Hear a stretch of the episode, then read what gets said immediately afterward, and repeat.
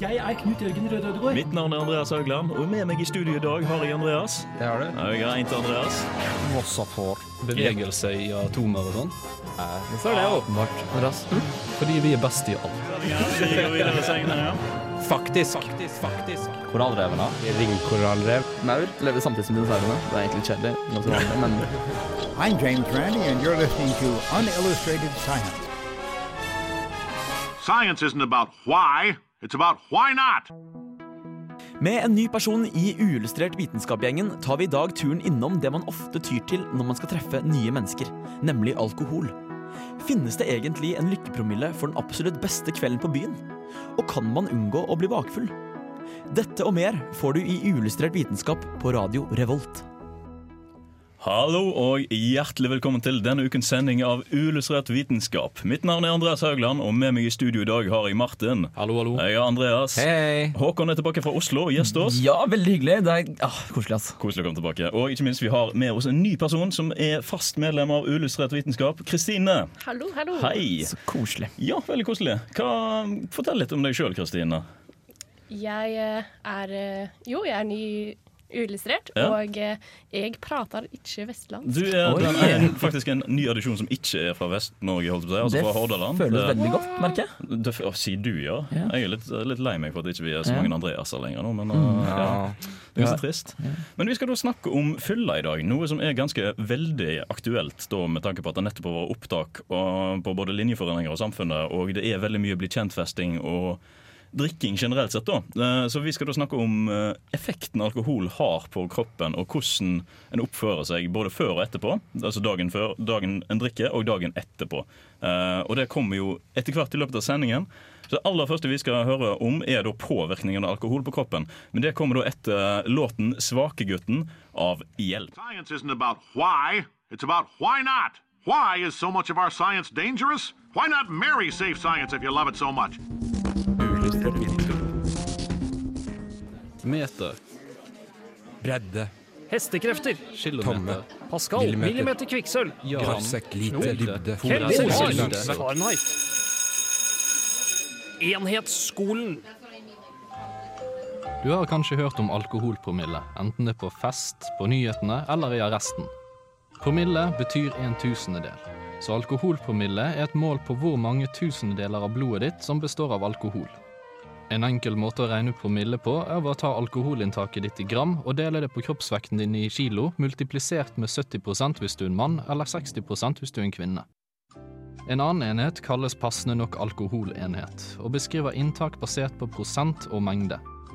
For eksempel beskriver én alkoholenhet en flaske med 33 centiliter pils med volumprosent alkohol på 4,5, et glass med 15 centiliter vin med volumprosent på 12, et lite glass med 7,5 centiliter sterkvin med volumprosent på 20, eller et lite glass på 4 centiliter brennevin med volumprosent på 40.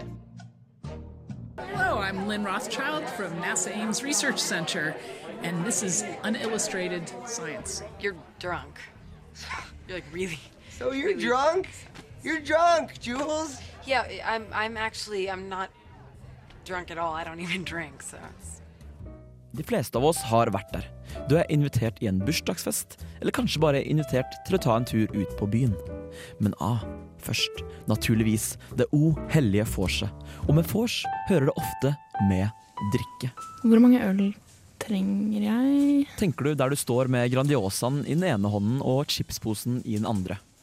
Tja, fire-fem øl får vel holde. Vorset er godt i gang, og ølene går like raskt som toaletturene blant de andre på vorset.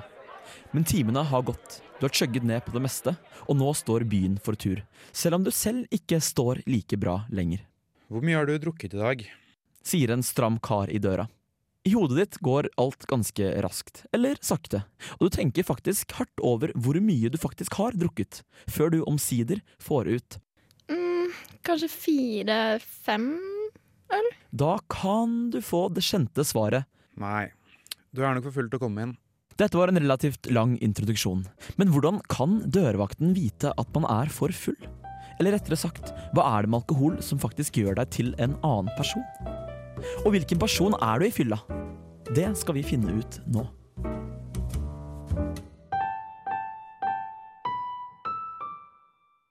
Først påvirker alkoholen den mest sensitive delen av hjernen din, det som kalles den prefrontale cortex. Dette er den delen av hjernen som ene og alene har ansvaret for å ta valg rundt fristelser og handlingsbaserte tanker. Ettersom du nå tar dårligere valg, er det enkelt å komme inn i en ond sirkel og drikke enda mer og mer og mer og mer. Dermed vil alkoholnivået i blodet ditt øke, og ja, du gjettet riktig, hjernen vil bli enda rarere. Neste hjernedel som må til pers, er nå den frontale cortex. Når denne delen begynner å merke påvirkningene av de fire-fem ølene du har konsumert, vil du nå slite med å få sagt det du vil si, gå akkurat dit du vil gå, og miste visse reflekser. Du begynner å bli dummere. Og har du fortsatt ikke lært leksa di etter disse enhetene, kan det begynne å bli farlig. Ved enda høyere alkoholkonsum, og altså her snakker vi virkelig mange shots på rad med høy prosent, kan hjernestammen bli påvirket. Dette vil svekke flere hjernedeler som er kritisk for å holde deg i gang. Dette vil til slutt føre til at du besvimer, og muligens kan du slutte å puste. Da slipper du med andre ord i hvert fall ikke inn på utestedet. Hi, this is James Grime from Numberphile, and this is Unillustrated Science. Ja, Hjertelig velkommen tilbake til oss her i studio. Du hører på Uillustrert vitenskap på Radio Revolt. Ja, eh, dette her med alkohol og sånt, det påvirker jo oss på veldig mange forskjellige måter, egentlig. Ja, ikke sant? Og det vi hørte nå, var jo egentlig mest det biologiske. Da. Det som faktisk skjer med samtlige av oss under alkoholpåvirkning. Ja. Men eh, det som er litt spennende, er at personlighetstrekk har veldig mye å si da, for hvordan du er i fylla, eller Ja. under rus generelt. da. Og så tenker jeg å spørre dere nå, eh, eh, hvilke ulike typer personligheter tror dere det fins eh, av, av fulle mennesker? Hvis dere kanskje har noe empiri her, da. Jeg tenker jo at det må jo, hvert fall En av dem må jo være Det er jo litt sånn type megra hvis jeg drikker litt for mye. Veldig energisk. Veldig, Ja. Jeg må være midtpunktet. Ok. Opp, litt sånn, om nesten oppmerksomhetssjuk, da. Ja, ja. Da er du det eh, denne studien fra to år siden ville kalt uh, The Nutty Professor. For da er du eh, kanskje en, en, en litt rolig og samlet person til vanlig, men så vil du være midtpunktet under eh, altså festen. da Det gir faktisk overraskende mye mening. Ja, ja. Veldig bra. Har vi noen andre forslag? Du har jo òg de som alltid trekker ut av uh, selve festlokalet. Og Så gjerne setter seg ute på trappa eller ute på kjøkkenet og henger der i stedet for uh, Ja. ta det med ro og prate om litt dypere ting. Ok. Sånn, ja. så, sånn som det. Da er du inne på det de eh, kaller The Hemingway. Fordi han eh, mente han kunne drikke utallige mengder whisky, og han ble bare smartere og smartere og skrev masse av disse her, eh, bøkene sine under denne alkoholrusen. Ja. Interessant, Andreas. Er du Ja. en slik en Hemingway? Det, det tror jeg egentlig ikke. det. Jeg pleier å bli så trøtt at jeg går hjem og legger meg. Ja, er det noen andre forslag, eller skal jeg ta de to siste på rappen? Eller? Ja. Du har jo også den personen som eh, gjør ufattelig mye dumt, som bare mister fullstendig evnen til å gjøre noe som helst rasjonelt. Jeg håpet noen skulle uh, si det. De, Eh, de takk. som kommer hjem med sånn veiskilt og sånn. Ja, og da er det ingen ringere enn Mr. Hyde, altså Jekyll sin dårlige side. Mm. Han blir en, eller han eller hun da, for så vidt blir jo en ganske gal person, eh, og, og gjør mye rart, da. Som kanskje de kan angre på senere i neste dag. Og for å bare ta det på rappen, den siste her er altså eh, Mary Poppins. Og det er de som blir veldig eh, enige med alle når de er fulle. Og veldig sånn tenksomme og reflekterte, da. Er, er det sånn òg en person som viser omsorg for alle de andre? For det var jo de som ble veldig, Ja. veldig altså, både kjærlige og Ja. Eh, Det er nok eh, Mary Poppins-fenomenet Ja. der eh, som spiller inn. Så det er ganske fascinerende, altså. akkurat dette her med forskjellige personligheter. Ja, det er det. Hvilken personlighet føler du sjøl at du treffer eh, av disse her, hvis du skal plassere deg innenfor en av disse båsene? Eh, jeg tror kanskje jeg er en blanding mellom eh, en god blanding mellom alle, altså. En god blanding mellom alle, ja. jeg har en litt sånn der tendens til å gå litt uh, over i spekterne. Du, du, er, du er den ultimate fylliken. Ja, jeg tror egentlig det er det jeg prøver å si. Så dette ble mer et AA-møte enn en uillustrert. Mitt navn er Håkon, jeg er alkoholiker. herlig. Er det du som står ute i parken og skriker til folk? Jeg har kanskje vært der. Kaste, Eh, kaste stein på duene og sånne ting. Nei, det var faktisk ikke en due, det var en måke. Ja, nei. Nei, men eh, det er jo kategoriene, altså personer det er, Du ser de på alle utesteder, egentlig. Hvis du drar ut på en pub, og så finner du Mm. Mr. Hyde og eh, Mary Poppins som sitter på hver sin barstol og Ja. drikker drinker. Ja. Det er ganske gøyalt å se, egentlig. Ja. Jeg lurer på hvem som eh, får det verst dagen etterpå. Tror- Godt spørsmål. Ja. Det skal, vi skal faktisk snakke om det ganske snart. Hvordan eh, akkurat det med dagen en derpå. segway. For en segway, ja. Men akkurat før det så skal vi snakke om uh, pass på hva du drikker. Og eh, hvordan du ikke må blande ulike substanser sammen med alkohol. Vi nordmenn er generelt veldig glad i å dra på byen, ta oss et par glass vin i helgene og generelt hygge oss rundt alkohol. Og det er helt greit, så lenge vi gjør det med måte. Noe vi ikke alltid nødvendigvis gjør. Alkohol hjelper hjernen til å slippe ut endorfiner og skaper reaksjon i hjernens tilfredsstillelsessenter. Men når man kombinerer dette med andre ting, så kan det fort bli veldig farlig. Alkohol og andre stoffer som påvirker hjernen, har en tendens til å gi hverandre en økende effekt. Men forskjellige kategorier gir forskjellige effekter, noen som er litt farligere enn andre. Innenfor lovets rammer er det mye som ikke bør kombineres med alkohol. Eksempler er f.eks. valium og andre medisiner som er tillaget for å roe ned kroppen. Disse stoffene jobber sammen, siden alkohol òg er beroligende. Når disse kombineres i høy grad, vil effekter som svimmelhet, hukommelsestap og lite kontroll over kroppen komme inn. Medisiner innenfor stimulantkategorien, eksempelvis Ritalin, kan være med på å maskere effekten av alkohol, og man kjenner seg mindre edru. Dette kan veldig fort føre til overkonsumering, som igjen kan føre til veldig, veldig store konsekvenser. Opiater kan være det mest farlige av disse kategoriene. Tylenol og Vicodin eksempelvis kan være med på å minske hjerterytmen og få deg til å puste saktere. Kombinasjoner av opiumer og alkohol kan veldig fort føre til bevisstløshet. Så vi i Uillustrert vitenskap anbefaler å ikke kombinere medisiner og alkohol. I vitenskapens navn, pass på hva du drikker. Hi, this is James Grime from Numberphile, and this is Unillustrated Science. Hjertelig takk til deg, James Grime, for den vakre introduksjonen der. Men altså, vi snakker nå om medisiner og blanding med alkohol, men er det noen studier eller noe som tilsier at eh, vi ikke skal blande alternativ medisin og alkohol? Ja. Ja, altså Hvis du liksom har lyst til å ta noen sånne akupunkturnåler oppi drinken, så skal ikke jeg stoppe deg. Nesehornpulver og Ja. sånne ting. som det. Nesehornpulver, hva er det faen er det for noe? Jeg kan få litt utdypning. Kinesisk hjertemedisin og sånne ting som det.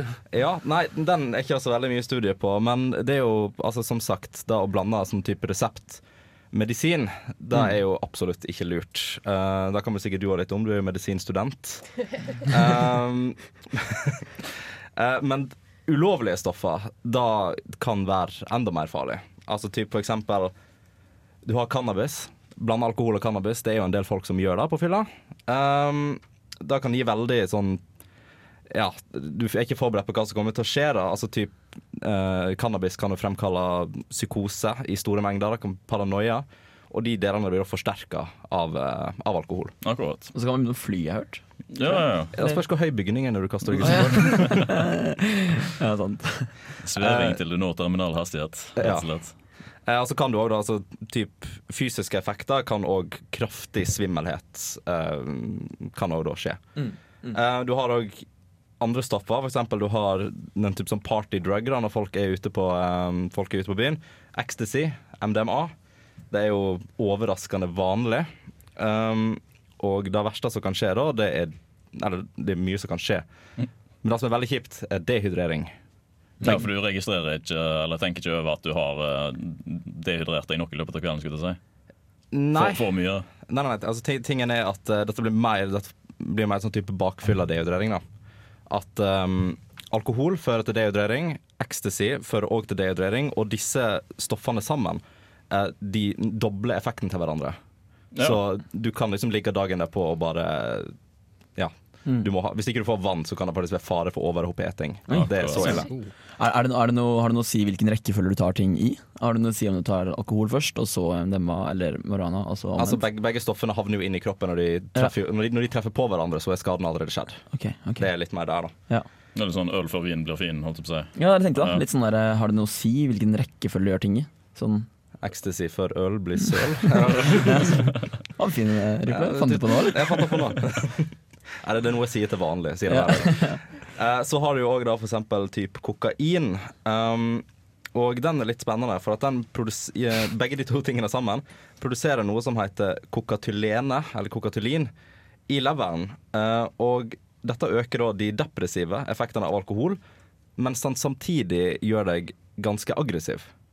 Oi, det er en, skummel, det er en skummel kombinasjon. Ja, sånn, du, er, du, du, er, du er lei deg, du er litt nedfor på byen, og samtidig så er du skikkelig forbanna og sur. Skal du bli Mr. Hyde, så er det rett og slett Ja, det er way to det, go. nå føler jeg at vi gir ut litt sånne skumle oppskrifter her, som ikke kan ikke stå for noe av det her. Det si. Ja, nei, Uillustrert condone ikke noe av dette her. Nei. Det er absolutt ikke. Jeg rører ikke alkohol. Hva er det for noe? Ja, jeg har ikke peiling. Eh, og så har man da siste tingen som jeg har valgt å føre opp på lista mi her. Det er amfetamin. Um, og da vil da ha en effekt på typ, altså hjerterytmen, eh, blodtrykket.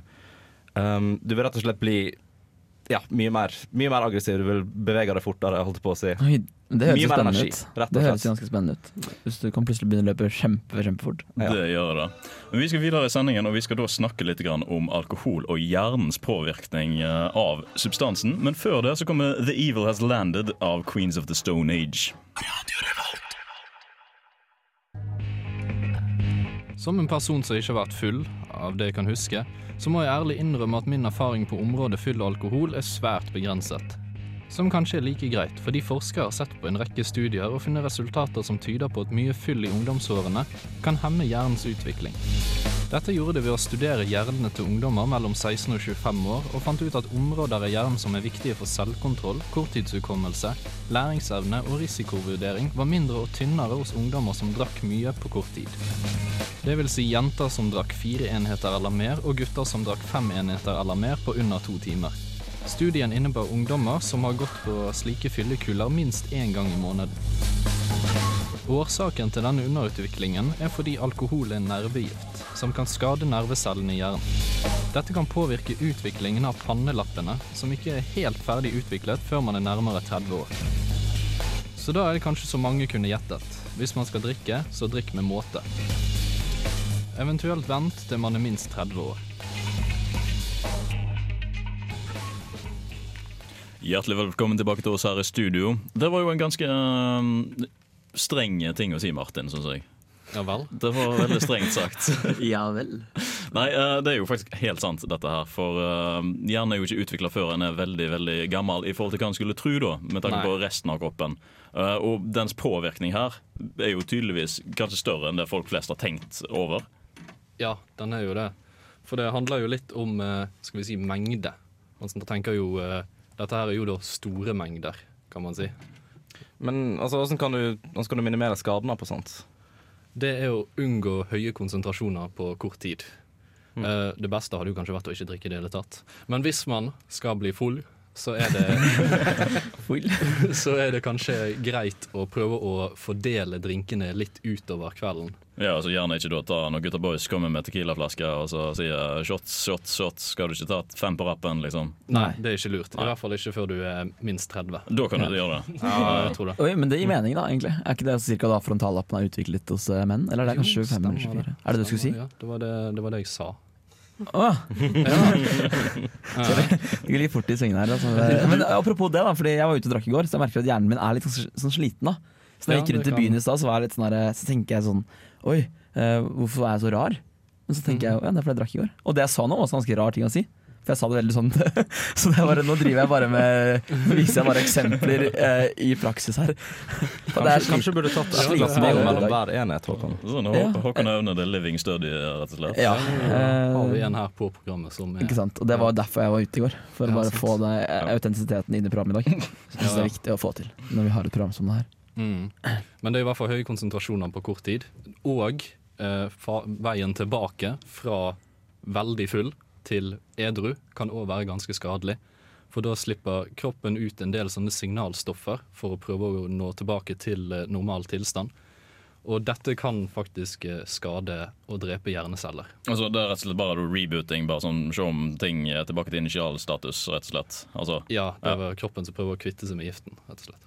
Så hvis man bare aldri blir edru igjen, så er man trygg? Det høres ut som et Da loop- har det høres ut som loophole. Da har man noe som heter alkoholavhengighet. Ja. Hvis du har hørt om det? Aldri hørt om. Nei, det, Nei, det er kanskje ikke den beste måten å gjøre det på, Andreas. Jeg bare kom med forslag. Ja. Hit and miss. Nei, men det var en, eh, den, eh, en forsker som jeg leste om, eller som jeg leste over, hun mente at det er bedre å unngå helgefyll og heller fordele enhetene utover. Ja, så du tar, I stedet for å ta fem på fredagen, så tar du én hver dag? Ja, jeg vil anta det det hun mente, kanskje. Ja, det kan gi mening, det òg. Kroppen får mer tid til å, å skille ut eh, stoffer som eh, Ja, og du, i mindre grad. eller du kommer jo heller ikke over så veldig kritiske nivåer med promille. Nei, så er det ikke sikkert at enhet, enhet er skadelig for hjernen. Nei. Eller det er jo sikkert litt individuelt, men uh. Mm. Altså Det er de studiene som mener for eksempel at, at et glass rødvin hver dag eller noe sånt, Mm. at da er bra for hjernen. Mhm. Ja, Og hjertet har visst òg vært inne i den eh, Mm. diskusjonen, men det er veldig mye fram og tilbake. Det er litt det samme som med kaffestudier, der du har eh, argumenter for pga. antioksidanter osv. Og, Ja. og hjelp mot ditt og datt og kreft og så videre. Ja. og så. Men jeg, jeg føler man alltid kan finne en helsegevinst nesten det meste man gjør, på en eller annen måte. da Fordi La oss si Ja. man ser på hjertet, da men så er det kanskje noe annet som uh, påvirker noe annet. Sånn, jeg tenker Ok, det er bra for hjertet, men kanskje ikke så bra for uh, f.eks. Uh, kolesterolet. da Mm. Mm. Riktig. Så det er litt sånn uh, tosidig mynt. Og så andre grupper som òg må passe seg, er jo da selvfølgelig barn og eh, gravide. De må passe seg for alkohol. De må passe seg for alkohol. Mm. Det må det. Men eh, jeg lurer litt på én ting, og det er nettopp det med hvordan, hvorfor man får en hangover. Og det er noe som vi skal høre om om veldig litt. Men før vi kommer så langt, så kommer låten 'Money' av Anna of the North. This is Alan Moore, and you're listening to Unillustrated Science. Du våkner dagen derpå med bankende hodepine, føler deg uvel og rommet snurrer. Alt var så gøy i går, så hvorfor føles det så kjipt i dag? Hangover eller bakrus kommer av de forskjellige tingene alkohol gjør med kroppen. En av de tingene er at man blir dehydrert. Et forskningsprosjekt viste at dersom forsøkspersonene ble gitt 250 ml med alkoholholdig drikke, tisset de fire ganger så mye, nemlig en helt liter. Det er fordi alkohol hemmer det hormonet som får kroppen til å resirkulere væske. Så da vil det gå rett gjennom istedenfor. Pluss litt til.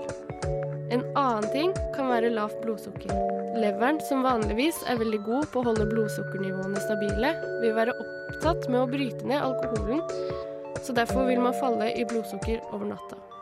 Leveren har nemlig ikke kapasitet til å gjøre begge deler samtidig. Det er derimot uvisst hvor godt man merker disse effektene. En ting forskerne er mer enige om, er effekten av et mellomprodukt i nedbrytning av alkohol, nemlig acetoaldehyd, eller etanol som det også heter.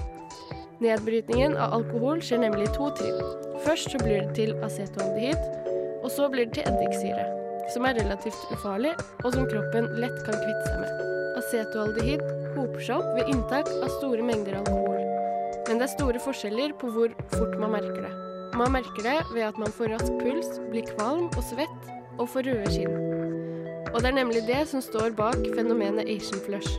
Fordi mange asiatere har en genvariant som gjør at nedbrytningen av dette mellomproduktet er ganske ineffektiv.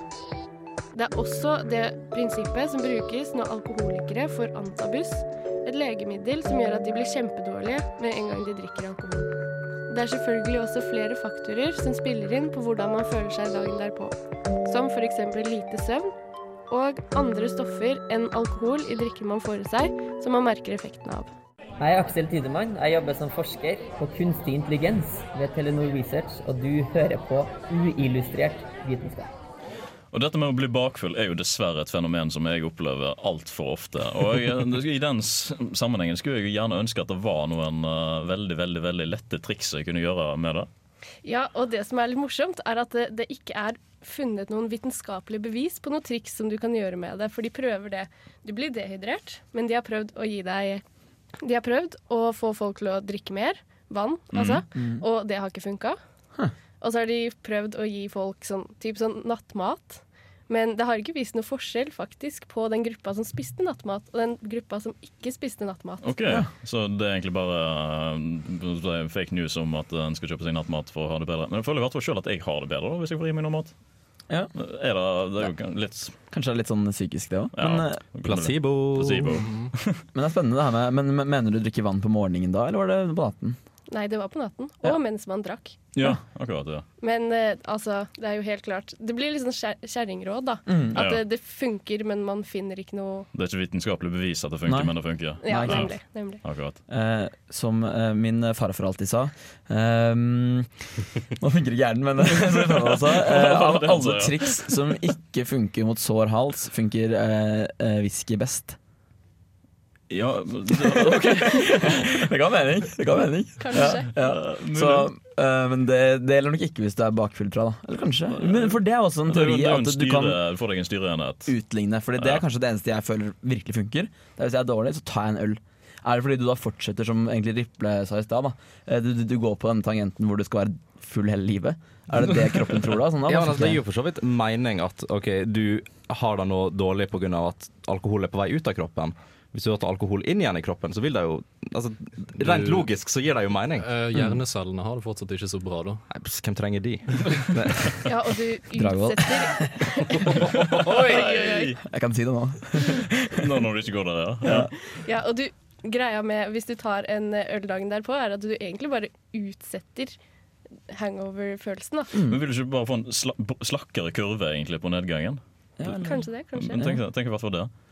Men det er jo samme også da, altså, Noen vil jo gjerne ha en kopp med kaffe dagen etterpå. Mm. Og det, det jeg har hørt da er at Kaffe hjelper fordi da får en opp eh, altså aktiviteten i hjernen. Du blir mer kvikk, sånn at du blir, føler deg mer våken og klar. Mm. Mens hvis du tar deg en styrepils, da, så bedøver du og senker på en måte alle nervesignalene, sånn at du føler deg mer avslappa og ikke har det vondt. Det er det jeg har hørt angående akkurat det temaet. da Mm. Nå, nå, jeg har hørt det et sted, jeg er ganske sikker på at det stemmer. eh, Men da å kombinere kaffe med alkohol, det skal tydeligvis òg være en utrolig dårlig idé. Bare for at koffein og alkohol jobber ikke bra sammen. Altså Om det da er på kveld dagen, et, dagen etterpå mens du fortsatt har alkohol i kroppen, ja, eller Kaffe uansett. Baileys er en veldig dårlig idé generelt sett. Uh...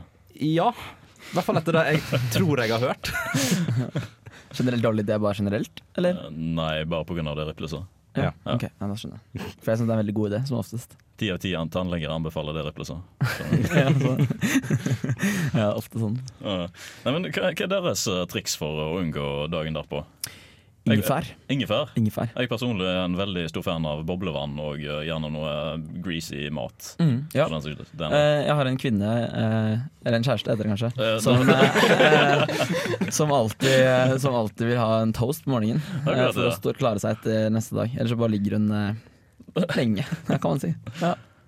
Sjokolademelk. Sjokolademelk, Ja, det er òg faktisk helt nydelig. Det- Altså det er veldig mange som Altså Melk vil jo egentlig Når man tenker over det, så vil det virke utrolig dårlig hvis, hvis du allerede er svimmel og sånt, Jo. og da legger til melk. Det høres ut som en dårlig idé. Du får jo opp blodsukkeret veldig fort, og i tillegg så er det jo gjerne litt sånn smågreasy hvis du går for en tjukkere versjon av en melk. Ja, men jeg tenker på litt sånn typ smak, da. Altså typ det er litt sånn søtningsaktig. Mm. Men jeg klarer meg ikke uten sjokolademelk dagen på. Jeg må ha det. Å, altså, du er sånn som sikkert har den i kjøleskapet klar, du? Jeg, kjøper, jeg kjøper den inn samtidig med øl. Du gjør det? Ja. Det er ganske, det er kult. Det er fun fact. Men hvilken sjokolademelk snakker vi da? Uh, vi snakker egentlig den der uh, Product placement. Det er jeg ku sjokolademelk, etter det? Ku, ja. Ja. Det er den der de si- som står eh, 'kanskje Norges beste sjokolademelk'? Ja, jeg tror det er den. Den liker jeg veldig godt. Den, det beit du rett på. Mm. Spons oss, vær så snill. Eh, Har du noen tips eh, som du sjøl bruker, Kristina? Vafler. Vafler. ja. Vafler løser alt. Oi. Vafler er det alt. Er det også kanskje litt den der følelsen av å gjøre noe annet? Sånn Hvis jeg begynner å gjøre noe sånn, eh, Når jeg er syk også, så er det viktig for meg å få på meg bra klær. Og på en måte ta på meg fine klær. Du Og gå ut. føler deg godt Ja. bra, rett og slett. Ja. Ikke sant? Da er det, på med den eh, på- three-piece-suiten fra Hongkong, liksom. Det hjelper jo veldig på psyken. Men det er et annet tips for kanskje hvordan en kan unngå lykkepromenaden. Et annet tips for hvordan en kan unngå eh, dagen derpå, er jo nemlig det som kalles for lykkepromillen. Og det skal vi høre mer om nå. Fy faen, altså, gutta. Jeg fikk altfor mye i går, ja. Jeg husker nesten ingenting, altså. Jeg skal aldri drikke igjen i hele mitt liv. Et sitat du kanskje har hørt mange ganger før, og kanskje attpåtil sagt en gang eller to sjøl. Du våkner opp dagen etter, og i din anger på inntaket kvelden før, så tenker du at det eneste du gidder å gjøre denne dagen, er å bestille deg en pizza og se på serie til du ikke synes synd på deg sjøl lenger. Men det var jo gøy, da. Så du kommer til å gjøre det igjen. Men går det an til å ha en gøy kveld på byen uten å kjøre på, og ende opp på grøftefull gang på gang på gang? Det viser seg at det finnes et promillenivå som man kan kalle for en lykkepromille. Ei magisk grense man oppnår når man ligger mellom 0,5 og 1 i promille. I dette innledende rusintervallet opplever man at stimuleringen av kroppens lystsentre overskygger den sløvende effekten alkohol har.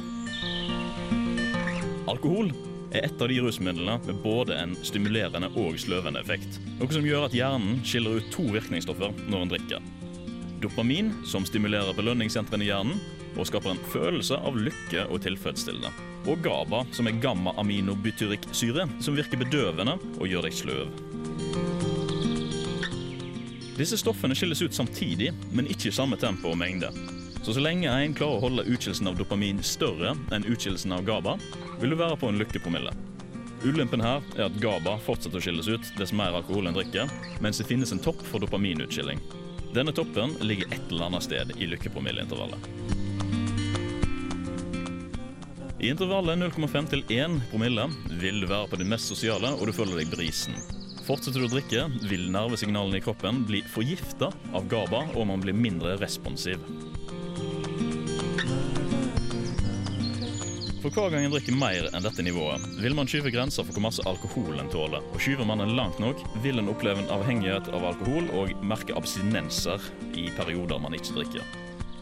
Men frykt ikke. For å senke toleransenivået igjen er det bare til å ta en pause fra rusmiddelet, før man trygt kan ta en roligere, men fortsatt like gøy kveld på byen. Tyngdekraften. Å ja, han har jeg hørt om. Galileo Galilei. Det er jo for godt til å være sant. Lars Monsen. Dette setter jeg pris på, ass. Tycho Brahe. Mm. Ah, krass fysikk. Ja, det, dette med lykkepromille det er jo et prosjekt som er satt, satt, i, sta, satt i gang av de fleste studentsamskipnadene rundt omkring. Deriblant SIT her i Trondheim, Mm. uh, som har sin egen app, faktisk. Som jeg har testa ut i praksis nå de siste par eh, gangene jeg har vært ute. Det er ganske gøy, egentlig. Uh, der du registrerer enheter, så ser du hvor mye du går. Den registrerer ikke høyere enn én, selvsagt, fordi du skal ligge under 0,5 og 1, som er Mm. målet. Men det, det, det som jeg merker da, er jo det at jeg faktisk ikke drikker noe særlig mer eller mindre enn det jeg gjør til vanlig. Eh, og likevel så klarer jeg å holde meg innenfor det området der. Og det er De kveldene jeg har vært over, altså der jeg sjøl tror jeg at jeg har vært over, Mm. eh, er de kveldene der jeg blir veldig trøtt og sliten og gjerne er litt sånn dårlig dagen etterpå. Mm. Uh, og det er så litt gøy da vi, altså, vi har ikke snakket om hva effekter uh, altså, promillemessig har på kroppen din. Og det som jeg registrerer da er at Hvis du ligger på 0,2, så føler du gjerne litt mer sånn velbehag. Og 0,4 du begynner å føle deg litt mer avslappa og du kanskje slipper deg løs i sosiale sammenhenger. Kommer du opp til 0,6, da, så begynner den rasjonelle evnen eh, og din evne til å bedømme ting, den blir påvirka. Og så nærmer du deg 1, 0,8. Ja, koordinasjonen, balansen svikter litt. Grann. Eh, går du over 1, da, så begynner du å få sånn klar, synlig, eh, veldig berusa. Da. 1,5 motoriske evner begynner å slite. 3 bevissthetsgraden senkes enda mer. Og 4 er det som da regnes som på en måte terminell promillenivå. Da. da er du veldig ofte klinisk død etterpå. Samtidig så er det gøy da når du ser eh, verdensrekordene, eh, de høyeste målte nivåene av eh, promille. Da, jeg måtte sjekke oppi det flere ganger, fordi det var ikke promille det sto oppgitt i. Det sto oppgitt i prosent. Oi. Oi, Eh, så da vi, er det- snakker, oi, vi snakker da om eh, 14,9 i promille. Uh. Eh, dette er da litauere og polakker eh, som Er det, gjør det. men det er prosentandel av, av blodet ditt er fjor- Ja. 14 er Nei, nei, 14 promille. promille Ja. Okay, okay, okay. Uh, det må du det. Hadde det vært 14% så hadde ikke du eksistert. Nei, nei, det måtte jeg lure på, men nå måtte jeg bare forsikre meg at du ikke hadde hatt feil her. Disse, promille, disse promilletestene er jo gjort av i høyeste grad når de har omkommet. Da Ja. Eh, Da har de fått tatt en blodprøve under obduksjon. og sånne ting Så, det. Hm. så ikke til å anbefale. Det høyeste som er oppmålt um, i et barn, Ja. er 0,29. Et barn? Mhm. 0,29? Mhm. Det er, er ikke så mye, er det? Mm, Hvor barn? Liksom, hvor gammel? Nyfødt. Ny- Å, hæ? Ja, Fordi foreldrene hadde typ drukket? moren har drukket. Å, Eh. Foreldrene, ja, faren har ikke så mye innvirkning på det, men eh, Det det er ganske gøy. Men, Eh, men kan du bruke den appen her Jeg tenker sånn, hvis du skal ut på et utested, og så får du nei, så er det sånn Jo, se på den appen her, jeg er faktisk ganske lykkelig akkurat nå. Jo, men hvilken bartender tenker at han eh, drita kisen der har registrert riktig? Er kanskje Du sa gi meg øl, jeg har lykkepromille. Han får drukket én hele kvelden. Du kjenner ikke meg. Men det er jo andre ting som påvirker nettopp alkoholen på kroppen. Altså hvordan den tåler alkohol. Og det, alder er noe som har en innvirkning. Uh, jo eldre du er, jo raskere konsumerer Eller bearbeider kroppen av alkohol, så du får gjerne en buss litt tidligere. Uh, vanninnholdet i kroppen er det som har mest å si. Menn har gjerne en høyere eh, vanninnhold enn kvinner, på rundt 10% ekstra. I tillegg så er da muskelandelen i menn større enn hos kvinner, og gjerne da kroppsvekten, som alle tingene bidrar til at eh, menn tåler mer alkohol enn kvinner. Men uh, forbrenningen av alkohol per time er den samme for begge kjønn. Hmm. Uh, I tillegg så er det da ja, mat og drikke.